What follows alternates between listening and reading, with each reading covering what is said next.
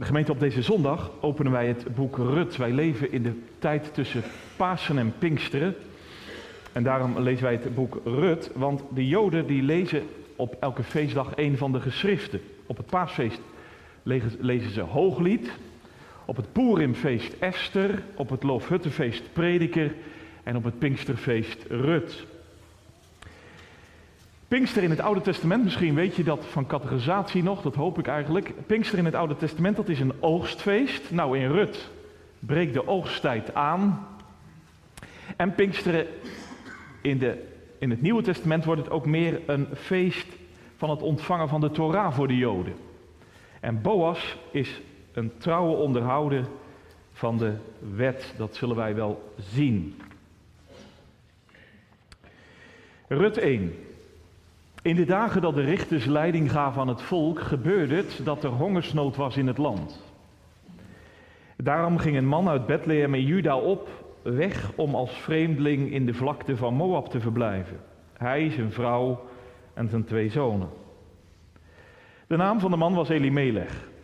De naam van zijn vrouw Naomi en de namen van zijn twee zonen Machlon en Giljon, Efratieten uit Bethlehem in Juda. En ze kwamen in de vlakte van Moab en bleven daar. Elimelech, de man van Naomi, stierf en ze bleef achter met haar twee zonen. Die namen voor zich Moabitische vrouwen. De naam van de ene was Orpa en de naam van de andere Rut. En ze bleven daar ongeveer tien jaar. En die twee, Machlon en Giljon, stierven ook. Zo bleef de vrouw achter zonder haar twee zonen en zonder haar man. Toen maakte zij zich met haar schoondochters gereed en keerde terug uit de vlakte van Moab, want ze had in het land Moab gehoord dat de Heer naar zijn volk omgezien had door hun brood te geven. Daarom trok ze weg uit de plaats waar ze geweest was en haar twee schoondochters gingen met haar mee. Toen ze op weg gegaan waren om terug te keren naar het land Juda, zei Naomi tegen haar twee schoondochters: Ga heen, keer terug, ieder naar het huis van haar moeder. Mogen de Heer jullie goede tierenheid bewijzen, zoals jullie die bewezen hebben aan hen die gestorven zijn en aan mij. Mogen de Heer jullie geven dat jullie rust vinden, ieder in het huis van haar man. Toen zij hen kuste, begonnen zij luid te huilen. En ze zeiden tegen haar, voorzeker, wij keren met u terug naar uw volk. Maar Naomi zei, keer terug, mijn dochters. Waarom zouden jullie met mij meegaan? Heb ik nog zonen in mijn lichaam die jullie tot mannen zouden kunnen worden? Keer terug, mijn dochters. Ga heen, want ik ben te oud om een man te hebben. Al zou ik zeggen, ik heb hoop en al zou ik zelfs in deze nacht een man hebben, ja zelfs zonen baren, zouden jullie dan wachten tot ze groot geworden waren? Zou dat jullie er dan van weerhouden om een man te hebben? Nee, mijn dochters, want het is voor mij veel bitterder dan voor jullie. De hand van de Heer is tegen mij uitgestrekt.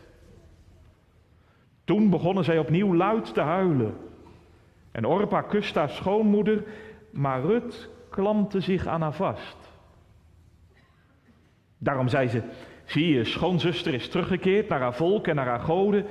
Keer ook terug je schoonzuster achterna. Maar Rut zei: dring er bij mij niet langer op aan u te verlaten en terug te gaan bij u vandaan, want waar u heen gaat, zal ik ook gaan. En waar u overnacht, zal ik overnachten. Uw volk is mijn volk en uw God is mijn God. Waar u sterft, zal ik sterven en daar zal ik begraven worden. De Heer mag zo en nog veel erger doen. Voorzeker alleen de dood zal scheiding maken tussen mij en u.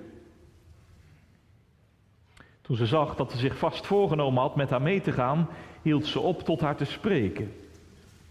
Zo gingen zij samen verder tot ze in Bethlehem kwamen. Het gebeurde toen ze in Bethlehem binnenkwamen dat de hele stad over hen in rep en roer raakte. En de vrouwen zeiden, is dit Naomi? Maar ze zei tegen hen, noem mij niet Naomi, noem mij Mara. Want de Almachtige heeft mij grote bitterheid aangedaan. Ik ging vol weg, maar de Heer heeft me leeg laten terugkeren. Waarom zou u mij Naomi noemen, nu de Heer tegen mij getuigd heeft en de Almachtige me kwaad gedaan heeft? Zo keerde Naomi terug en met haar Rut, de Moabitische schoondochter. Ze keerden uit de vlakte van Moab terug en ze kwamen in Bethlehem aan aan het begin van de gerstenoogst. Dit is het woord van God. De spits van de preek is vers 14. Toen begonnen zij opnieuw luid te huilen. En Orpa, haar en Orpa haar schoonmoeder, maar Rut klampte zich aan haar vast. Schrijven boven de preek kus of keus. 25 vers 6 is ons antwoord op de preek. Wie heeft lust, wie heeft er zin in om de Here te vrezen?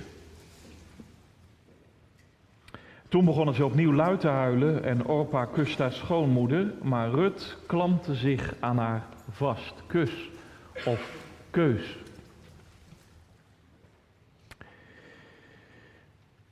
Ja, gemeente, in het boek Rut ruikt het naar luiers en aangebrande pap. Niet zo netjes gezegd misschien, maar het zijn woorden van een predikant die denk ik echt waar zijn. In het boek Rut ruikt het naar luiers en aangebrande pap. Het gaat hier over het gewone leven van gewone mensen. Want er wordt getrouwd, gerouwd, geboren, gegeten, geklaagd, gehuild, gelachen, gezaaid, geoogst, gestoft, gekookt. Ja, het gewone leven van jou en van mij. Toch? Alleen waar is God eigenlijk? Want nergens lees ik in dit boekje dat God direct spreekt tot mensen. Zo zegt de Heer, ik lees het niet. Nergens lees ik over offers die gebracht worden en ze brachten een offer, ik lees het niet. Ik lees zelfs nergens een gebed tot God en ze bad tot God en zei, ik lees het allemaal niet. Dus geen engelenverschijning, geen stem uit de hemel, geen felle bliksem, geen zware donder, geen opzienbarend wonder, geen profetenstem, geen priesteroffer. Niets van dat al, een hele gewone familiegeschiedenis. Niet zo geestelijk, vind je wel? Ja, je kunt het natuurlijk wel wat vergeestelijken. Je kunt het gaan lezen als een bekeringsgeschiedenis. Je kunt het gaan bepreken als een hele standeleer in de genade. Maar of je daarmee dit boekje recht doet, daar geloof ik eigenlijk helemaal niks van. Want ook de mensen in dit boekje zijn heel gewoon. De meesten zijn gelovig, dat is waar, maar het is geen opgeklopte vroomheid. Het is geen opgeblazen geestelijkheid. Het is hier geloven met de benen in de modder. Midden in het gewone leven. Ja, zeg je, maar hoort dit dan wel in de Bijbel? Zo'n eenvoudig verhaal over van die gewone mensen. Waarom staat dit eigenlijk in de Bijbel? Hou je vast. Voor ons. Voor ons? Ja. Voor jou en mij, hier en nu. Want op categorisatie praten we over de Bijbel en eh, we lezen erover en uh, wat staat er nou precies en wat wordt er nou allemaal bedoeld. En soms zeggen jullie tegen mij, ja ik vind die Bijbel wel mooi, maar ook wel moeilijk, want God komt in de Bijbel zomaar naar mensen toe om iets te vertellen. Het lijkt alsof God soms in de Bijbel mensen op de hoek van de straat opwacht, gaat praten, mensen horen dat, ze reageren daar dan weer op. Maar waarom gebeurt dat vandaag dan niet meer? Goeie vraag. Juist dan moet je Rut lezen. Want ook in dit boekje gebeurt dat niet. Kijk maar naar dat eerste vers van Rut uh, eh, 1. Hè. In de dagen dat de richters leiding gaven aan het volk. Dan weet je het wel, toch? De dagen van de richters.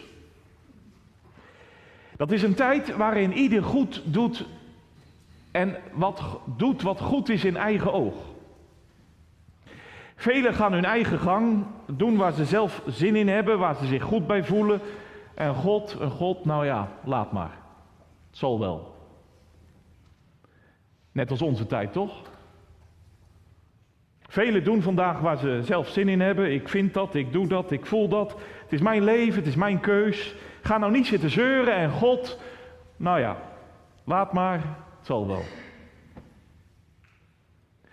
Alleen vergis je niet, juist in zulke tijden houdt God zich verborgen, trekt Hij zich terug. Dat is de tijd van Rut en dat is de tijd van ons. Of zie ik dat verkeerd? Zeg nou zelf, wij leven toch niet in een tijd van reformatie? Wij leven niet in een tijd van geestelijke opwekking en opleving. God lijkt vandaag voor velen heel ver weg. Afgelopen week nog, ik sprak iemand, hij vertelde over zijn gebedsleven. Hij zei, soms denk ik, als ik bid, is er wel echt iemand die naar me luistert. Want het voelt allemaal zo ver weg. Alleen vergis je niet, dit boekje Rut zegt, ook in zulke tijden is God bezig. Je denkt misschien, is God er wel? Waar is hij dan? Maar let nu op, want God is ook dan bezig met zijn plan en zijn werk in schijnbaar hele gewone dingen, bij hele gewone mensen, op hele gewone dagen. Door dingen die allemaal stom toevallig lijken, veracht de dag van de kleine dingen niet. Het boekje Rut zegt, ook in tijden van neergang en afgang, ook dan houden mensen het vol, houden ze het uit bij de God van Israël. Midden in dat gewone leven waarin vaak zo weinig van God te zien lijkt. Ook dan houden mensen vast aan Israëls God.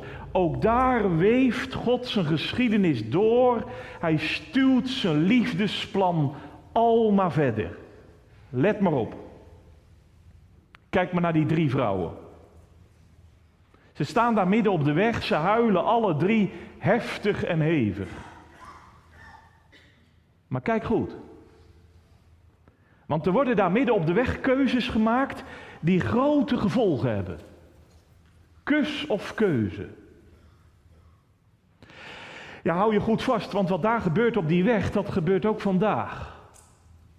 Hier in de morgenster van morgen. Deze geschiedenis is vanmorgen zo dichtbij. Wij staan er vanmorgen allemaal middenin. Rut en Orpa, twee heidense vrouwen. Net als wij, toch? Heidenen. Maar juist daar gebeurt iets. Bij die ene vrouw, Rut. Klein Pinkster in het Oude Testament. Zo zou ik het maar noemen. Ja, en ik hoop en geloof dat dit ook vandaag gebeurt. Klein Pinkster in Zoetermeer. Bij een meisje vanmorgen van 10 jaar. Bij een jongen vanmorgen van 16 jaar. Bij een jonge dame van 20 jaar. En bij een jonge man van 30 jaar. Dat de geest van God je vanmorgen in vuur en vlam zet voor de God van Israël. En dat je net als Rut helemaal verliefd, raakt op de Heer. Nou goed, waarom staan daar die drie vrouwen? Heel. Vers 1 zegt, in de dagen van de richters was er hongersnood in het land. Afschuwelijk. Elimelech, hij pakt daarom zijn boeltje bij elkaar. Koffers, tassen, kleren, tenten. De hele boel gaat mee. Hij gaat naar Moab. Nee, hij gaat niet emigreren. Vers 1 zegt, hij zal daar vreemdeling zijn. Samen met zijn vrouw en twee zonen vraagt hij tijdelijk asiel aan in Moab. Begrijpelijk toch? Ja, alleen hoor je dat goed? Er is honger in het land van melk en honing. Dan is er echt wat aan de hand. Want in Deuteronomium 28 zegt God zelf: Als jullie niet luisteren naar mijn stem, dan zullen jullie dat gaan voelen. Dan kom ik met mijn vloek: ziekte, droogte, misoogsten, honger. Dus God oordeelt over dat leven waarin ieder doet wat goed is in eigen oog. Nou goed, Elimelech hij trekt weg uit Bethlehem. Dat klinkt natuurlijk heel wrang, want Bethlehem, dat weet jij ook wel hè, beethuis, lechem brood, broodhuis. In het broodhuis is er geen brood meer. Elimelech gaat daarom naar Moab. Mocht dat wel? Kan dat wel? Want Moab, dat klinkt niet best. De stamvader Moab is geboren uit een incestverhouding, afschuwelijk, tussen Lot en zijn dochters, Genesis 19. Nou, nou. Daar komt nog bij, de Moabieten zaten Israël dwars toen ze naar het beloofde land Canaan trokken. Biliam moest Israël vervloeken. En op een zeker moment verleidden de Moabieten de Israëlitische meisjes tot een heel pornofeest. Nummer 25. In Moab wordt de god Kamos gediend, een seksreligie. Zo plat als het klinkt. Moab, daar zit dus een heel vies luchtje aan. Elimelech, waar ben je mee bezig? Ja, je hebt een schitterende naam, Elimelech, Eli, mijn God, Melech, koning, mijn God is koning. Nou, als mijn God koning is, zou je het daar dan niet meer van verwachten? Dit boekje zwijgt. Geen oordeel, geen commentaar. Elimelech gaat. Alleen het drama wordt nog groter, want Elimelech sterft. Wat een klap, wat een verdriet. Maar terwijl je van de schrik aan het bekomen bent, komt de volgende klap alweer. Machelon en Giljon nemen heidense vrouwen. Dat wat God verboden had in Deuteronomium 7, ze doen het. Ja, het verdriet wordt nog groter, want ze trouwen, maar een aantal jaar later ook deze twee jongens sterven. Denk je in, onvoorstelbaar.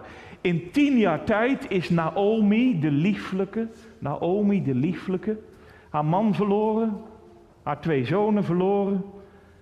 En ze heeft alleen nog maar twee heidense schoondochters. Die nog steeds andere goden dienen. En die nog steeds zo anders denken en doen. Ja, zeg je, maar God dan? Is God er niet? Zegt hij niks? Grijpt hij niet in? God, waar bent u? Zwijgt u dan? Trekt u zich terug? De vragen zijn ons niet onbekend, toch? Ik hoor het meer dan eens onder ons. Mensen in Zoetermeer die tegen me zeggen: Waar is God? Spreekt God wel? Als ik bid, hoort Hij mij wel. Ik werk, ik ploeter, ik doe mijn ding, ik ben bezig met van alles en nog wat. Maar waar is God dan? Doet Hij wel iets? Die vragen. Je kent ze wellicht. Alleen kijk naar Rut 1, want God is bezig in dat gewone leven van gewone mensen, ook vandaag. Ja, je moet wel goed kijken, vooral naar die ene, Rut. Vers 6 zegt namelijk, God ziet weer naar zijn volk om. Naomi hoort het en veelzeggend staat er, toen maakte Naomi zich gereed om terug te keren met haar schoondochters. Hoor je dat? Terugkeren. Terugkeren. Ruim tien keer staat dat in dit hoofdstuk. Onderstreep het maar. Steeds opnieuw. Terugkeren, terugkeren, terugkeren. Naomi keert terug naar haar huis, naar haar land, naar haar roots. En Orpa en Rut, ze gaan mee. Ja, ze zijn zo aan elkaar verbonden geraakt. Samen opgetrokken, samen gelachen, samen gehuild, samen geleden aan het leven. Alleen ineens draait Naomi zich om. En ze zegt: Ga heen. Keer terug. Mogen de Heer jullie liefde bewijzen. Ze geven elkaar een kus en hoor. Er wordt heel hard gehuild. Tranen met tuiten. Het snijdt door je ziel. Maar er is hoop, want allebei zeggen ze: nee, wij keren met u terug naar uw volk. Alleen Naomi is nogal vasthoudend. Weer draait ze zich om en weer zegt ze: Keer nou terug, mijn dochters, ga heen. Ik ben te oud om een man te huwen, om zonen te baren waar jullie mee trouwen zouden kunnen. En als het al zou kunnen, dan moet je weer wachten tot die man die ik zal baren oud is. En ja, als hij oud is, dan zijn jullie inmiddels misschien te oud om nog ooit een kind te krijgen. Nee, doe het nou niet. Keer nou terug. Naomi raadt het af. Waarom doet ze dat? Dit is toch geen evangelisatie? Zo doe je het toch niet met buitenstaanders? We weten er alles van in Zoetermeer. We willen juist dat anderen geïnteresseerd raken, dat mensen weer betrokken raken. En als iemand aan je zou vragen, joh, wat geloof jij nou precies? Zou dat ook wat voor mij kunnen zijn? Dan sta je direct aan en je probeert te vertellen aan die ander hoe mooi het is om te geloven. En dat je er echt beter van wordt en dat je er echt heel gelukkig van wordt. Maar dit. Ga maar terug. Niet doen. Denk er nog maar eens even goed over na, want dat wordt helemaal niks.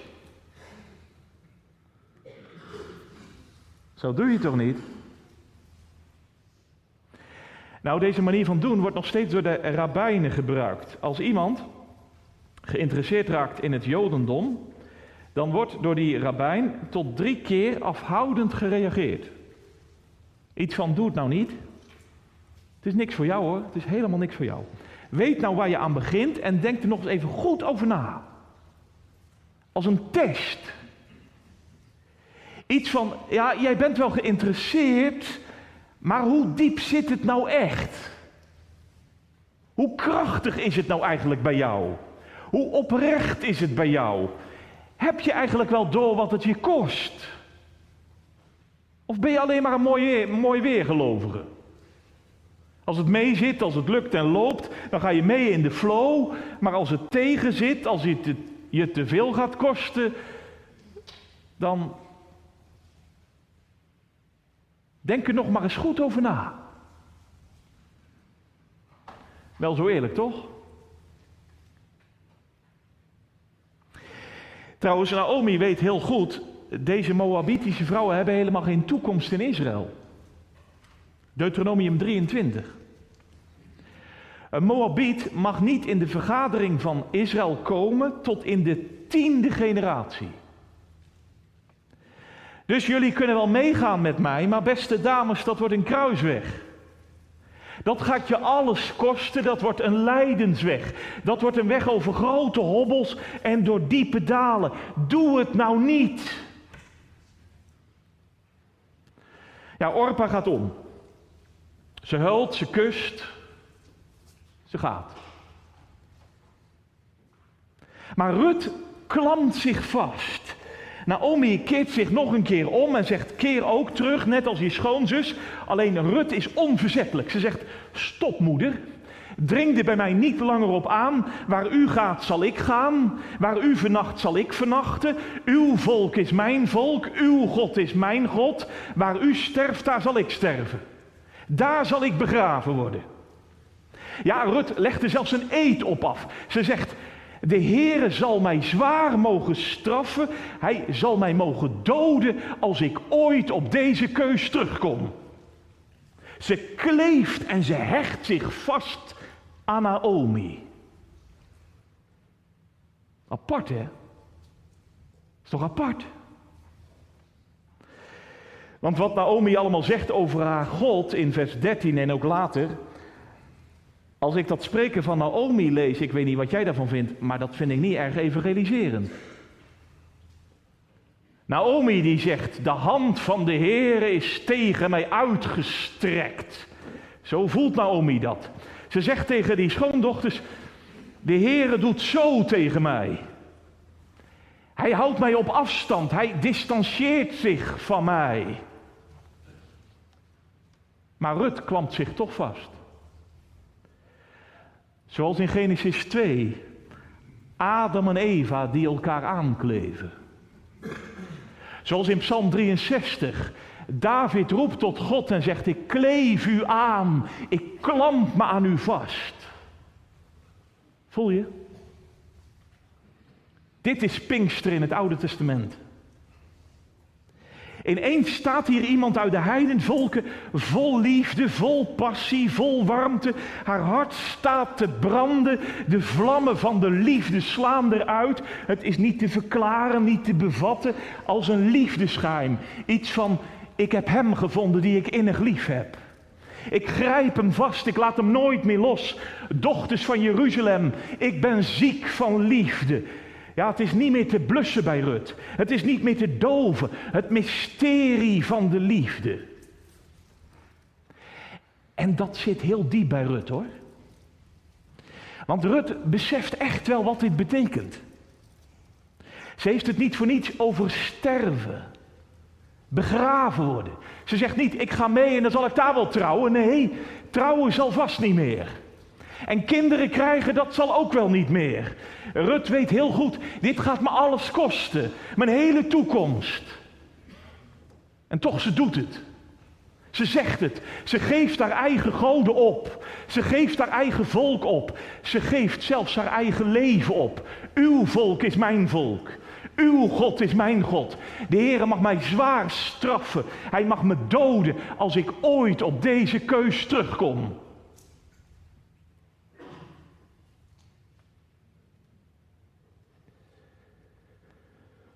Ja, gemeente, nu hou ik even stil. Want nu komt de geest van Pinksteren vanmorgen heel dichtbij. Hier in onze gemeente. Want wees eerlijk, ook wij zijn heidenen. Ook wij hebben gehoord van Israëls God. We zijn zelfs door het doopwater heen gegaan. Israëls God heeft je ingelijfd in zijn gezin. Maar vertel eens. Wie ben jij? Orpa of Rut? Denk even na. Laten we even stil zijn. Geef antwoord voor jezelf en voor God. Wie ben jij? Orpa of Rut?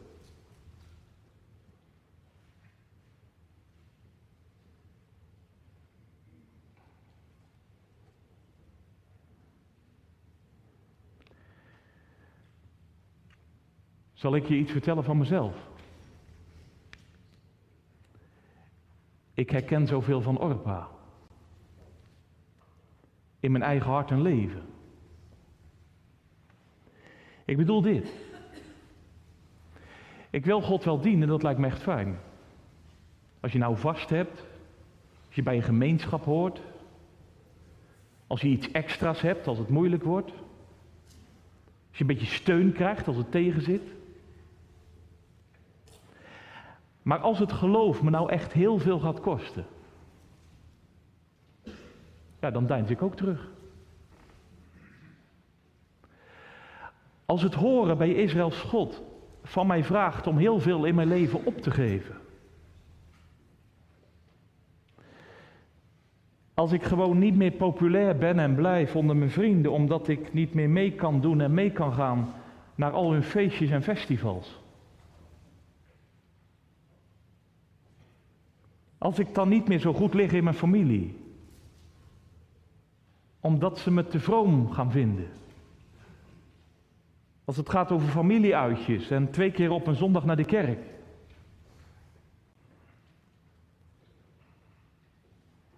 Als ik dan in mijn verkering bijbelse keuzes moet maken en mijn vriend wil die keuzes eigenlijk niet maken. En ik voel dat ik eigenlijk daarom die verkering moet uitmaken.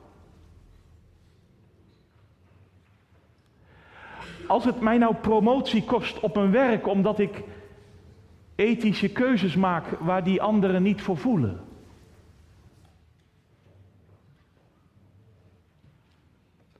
Als ik de onderste weg moet gaan in dat conflict met die ander in de gemeente, in mijn familie, in mijn huwelijk.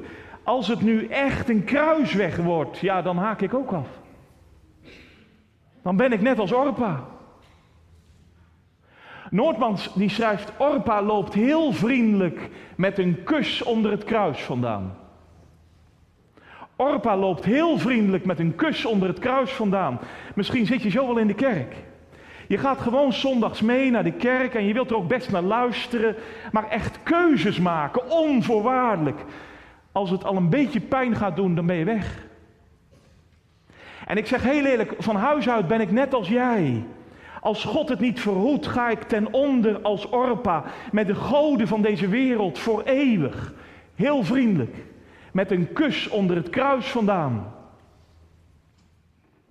Alleen wacht eens, wacht eens. Want de geest komt vandaag heel dichtbij om mensen in de morgenster in vuur en vlam te zetten, zodat je hart in brand komt te staan van liefde voor Israëls God. U mag best weten, toen ik deze preek maakte in de afgelopen week, heb ik daarvoor gebeden. Meer dan eens. Dat ik die preek aan de kant legde en dat ik bad, God, laat het toch Pinkster worden in de morgenster. En daar hebben we afgelopen kerkraadsvergadering samen als broeders uitgebreid voor gebeden. God geeft toch een opwekking onder jongeren en ouderen in de morgenster. Dat het gebeurt en steeds weer gebeuren zal. Bij jongeren en ouderen dat we de kruisweg zullen gaan, net als Rut. Dat we ons zullen vastklampen aan de Heer, dat we in brand komen te staan van vurige liefde voor Hem. Dat onder ouderen en jongeren in Zoetermeer gezegd zal worden, ik heb Hem gevonden die ik lief heb. Ik grijp Hem vast, ik laat Hem nooit meer los. Heel Zoetermeer mag het horen, want ik ben ziek van liefde voor de God van Israël. Ook al moet ik daar misschien alles in mijn leven voor opgeven. Mijn carrière, mijn toekomst, mijn populariteit, noem maar op. Maar als de geest je vanmorgen aanraakt, ja, dan sta je op. En dan valt de keus voor de God van Israël en zijn volk. Dan zeg je vol liefde vanmorgen, de Heer mag me zwaar straffen.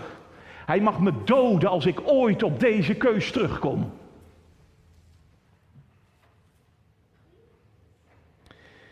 Ja, zegt iemand misschien vanmorgen, ik word heel triest. Want ik heb beleidenis gedaan. Ik heb een keus gemaakt jaren geleden. Ik heb een eet afgelegd, net als Rut. Ik was te vol van. Maar ik zeg heel eerlijk, de laatste tijd, God en zijn woord, geloof en geloofskeuzes, levenskeuzes, kruisdragen, offers brengen. Ik ben er onder vandaan gelopen. Want ik zag in mijn leven zo weinig van God. Het was zo stil allemaal. En het voelde allemaal zo ver weg en het kostte me eigenlijk te veel. Als God vandaag naar me toe zou komen en mij erop zou afrekenen, dan zou God vandaag zijn handen van me af moeten trekken. Wat moet ik nou doen? Wacht. Beleid het aan God. En luister goed, want de geest is vanmorgen vlakbij. De geest is vlakbij. Weet je hoe ik dat weet? Daar in Bethlehem heeft God zijn volk bezocht. In een kind. Het achter, achter, achter, achter kleinkind van Rut. Jezus Christus. Hij kwam in deze wereld. Hij droeg het kruis, hij liet zich doden. Weet je waarom? Om al de orpa-zonden van jou en mij weg te dragen. Al die keren in je leven dat je onder het kruis vandaan liep terwijl je beleidenis had gedaan. Al die momenten in je leven dat je je eigen wil hebt doorgezet terwijl je wist dat het anders moest. Al die keren in je leven dat je keuzes maakte los van God en zonder God. Al die momenten in mijn leven dat ik te laf was om God en zijn woord te volgen. Dat ik te slap was om radicale keuzes te maken in mijn leven. Op mijn werk, in de kerk, op mijn school, in mijn relaties. Gemeente, daar ging hij de dood voor in. En in zijn tere liefde gaf hij alles. Zijn hart stond in brand voor God en zijn wil. De vlammen van de liefde sloegen naar buiten op de heuvel Golgotha zodat die liefde vandaag jou en mij, in een tijd dat ieder doet wat goed is in eigen oog, in een cultuur waarin God zo wordt weggedrukt, dat hier en nu de geest je vanmorgen over de streep trekt. En je hart in vuur en vlam zet. En je leven vanmorgen vult met een diep en onverklaarbaar geheim.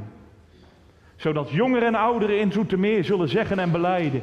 Ik heb hem gevonden die mijn ziel lief hebt. Zodat de geest je vanmorgen over de streep trekt. En je hart in vuur en vlam zet. En je leven vanmorgen op de bank waar je zit vult met een diep en onverklaarbaar geheim. Zodat ouderen en jongeren in Zoetermeer vanmorgen zullen zeggen, ik heb hem gevonden die ik innig lief heb. Mijn ziel klampt zich aan u vast, ik laat u nooit meer los. Want ik ben ziek van liefde voor de God van Israël die in Jezus mij verlost en doet terugkeren. Terugkeren? Ja, dat is het laatste. Zie je dat? Vers 22 zegt, zo keerde Naomi terug met schoondochter Rut. Zij, heel opmerkelijk hè, zij, Naomi en Rut, keerden terug. Ja, zeg je, maar klopt dat wel? Want dat weet jij ook wel, Rut is toch nooit in Bethlehem geweest? Verkeert helemaal niet terug. Jawel, gemeente. Dit is Pinksteren. Pinksteren, dat betekent je eigen goden opgeven. Je leven verliezen. Als een heiden terugkeren naar de schepper van hemel en aarde. Naar de God van Israël. Naar de Vader van Jezus Christus. Naar de enige ware God die te prijzen is tot een eeuwigheid. Dus Rut is als een eerste halm die wordt binnengebracht. De rest van de oogst zal volgen. Uit Israël en de volkeren. Ze zullen terugkeren tot de God van Israël. En ze zullen komen uit Moab. Ze zullen komen uit Iran. Ze zullen komen uit Ethiopië. Ze zullen komen uit Burkina Faso. Ze zullen komen uit Europa, uit Nederland. Ja, zelfs uit Soetermeer. Ze zullen zich vastklampen aan deze God. Want de geestgemeente is uitgestort. En daarom bidden wij ook in deze tijd. En in onze godonterende cultuur. Hoor je dat? Onze godonterende cultuur. Want dat is de cultuur waarin wij leven. Een godonterende cultuur. Maar we bidden en we zeggen: Ontwaak noordenwind. Kom zuiderwind. Doorwaai ons land. Doorwaai Zoetermeer. Doorwaai onze kerk en onze gemeente. Doorwaai mijn leven. Geest van Pinksteren. Vul onze harten met het diepe geheim van uw liefde opdat we in ons gewone leven vasthouden, volhouden en ons vastklampen. Hoor je dat? Ons vastklampen aan de God van Israël, die om Jezus wil, ook mijn God en mijn Vader wil zijn. Halleluja.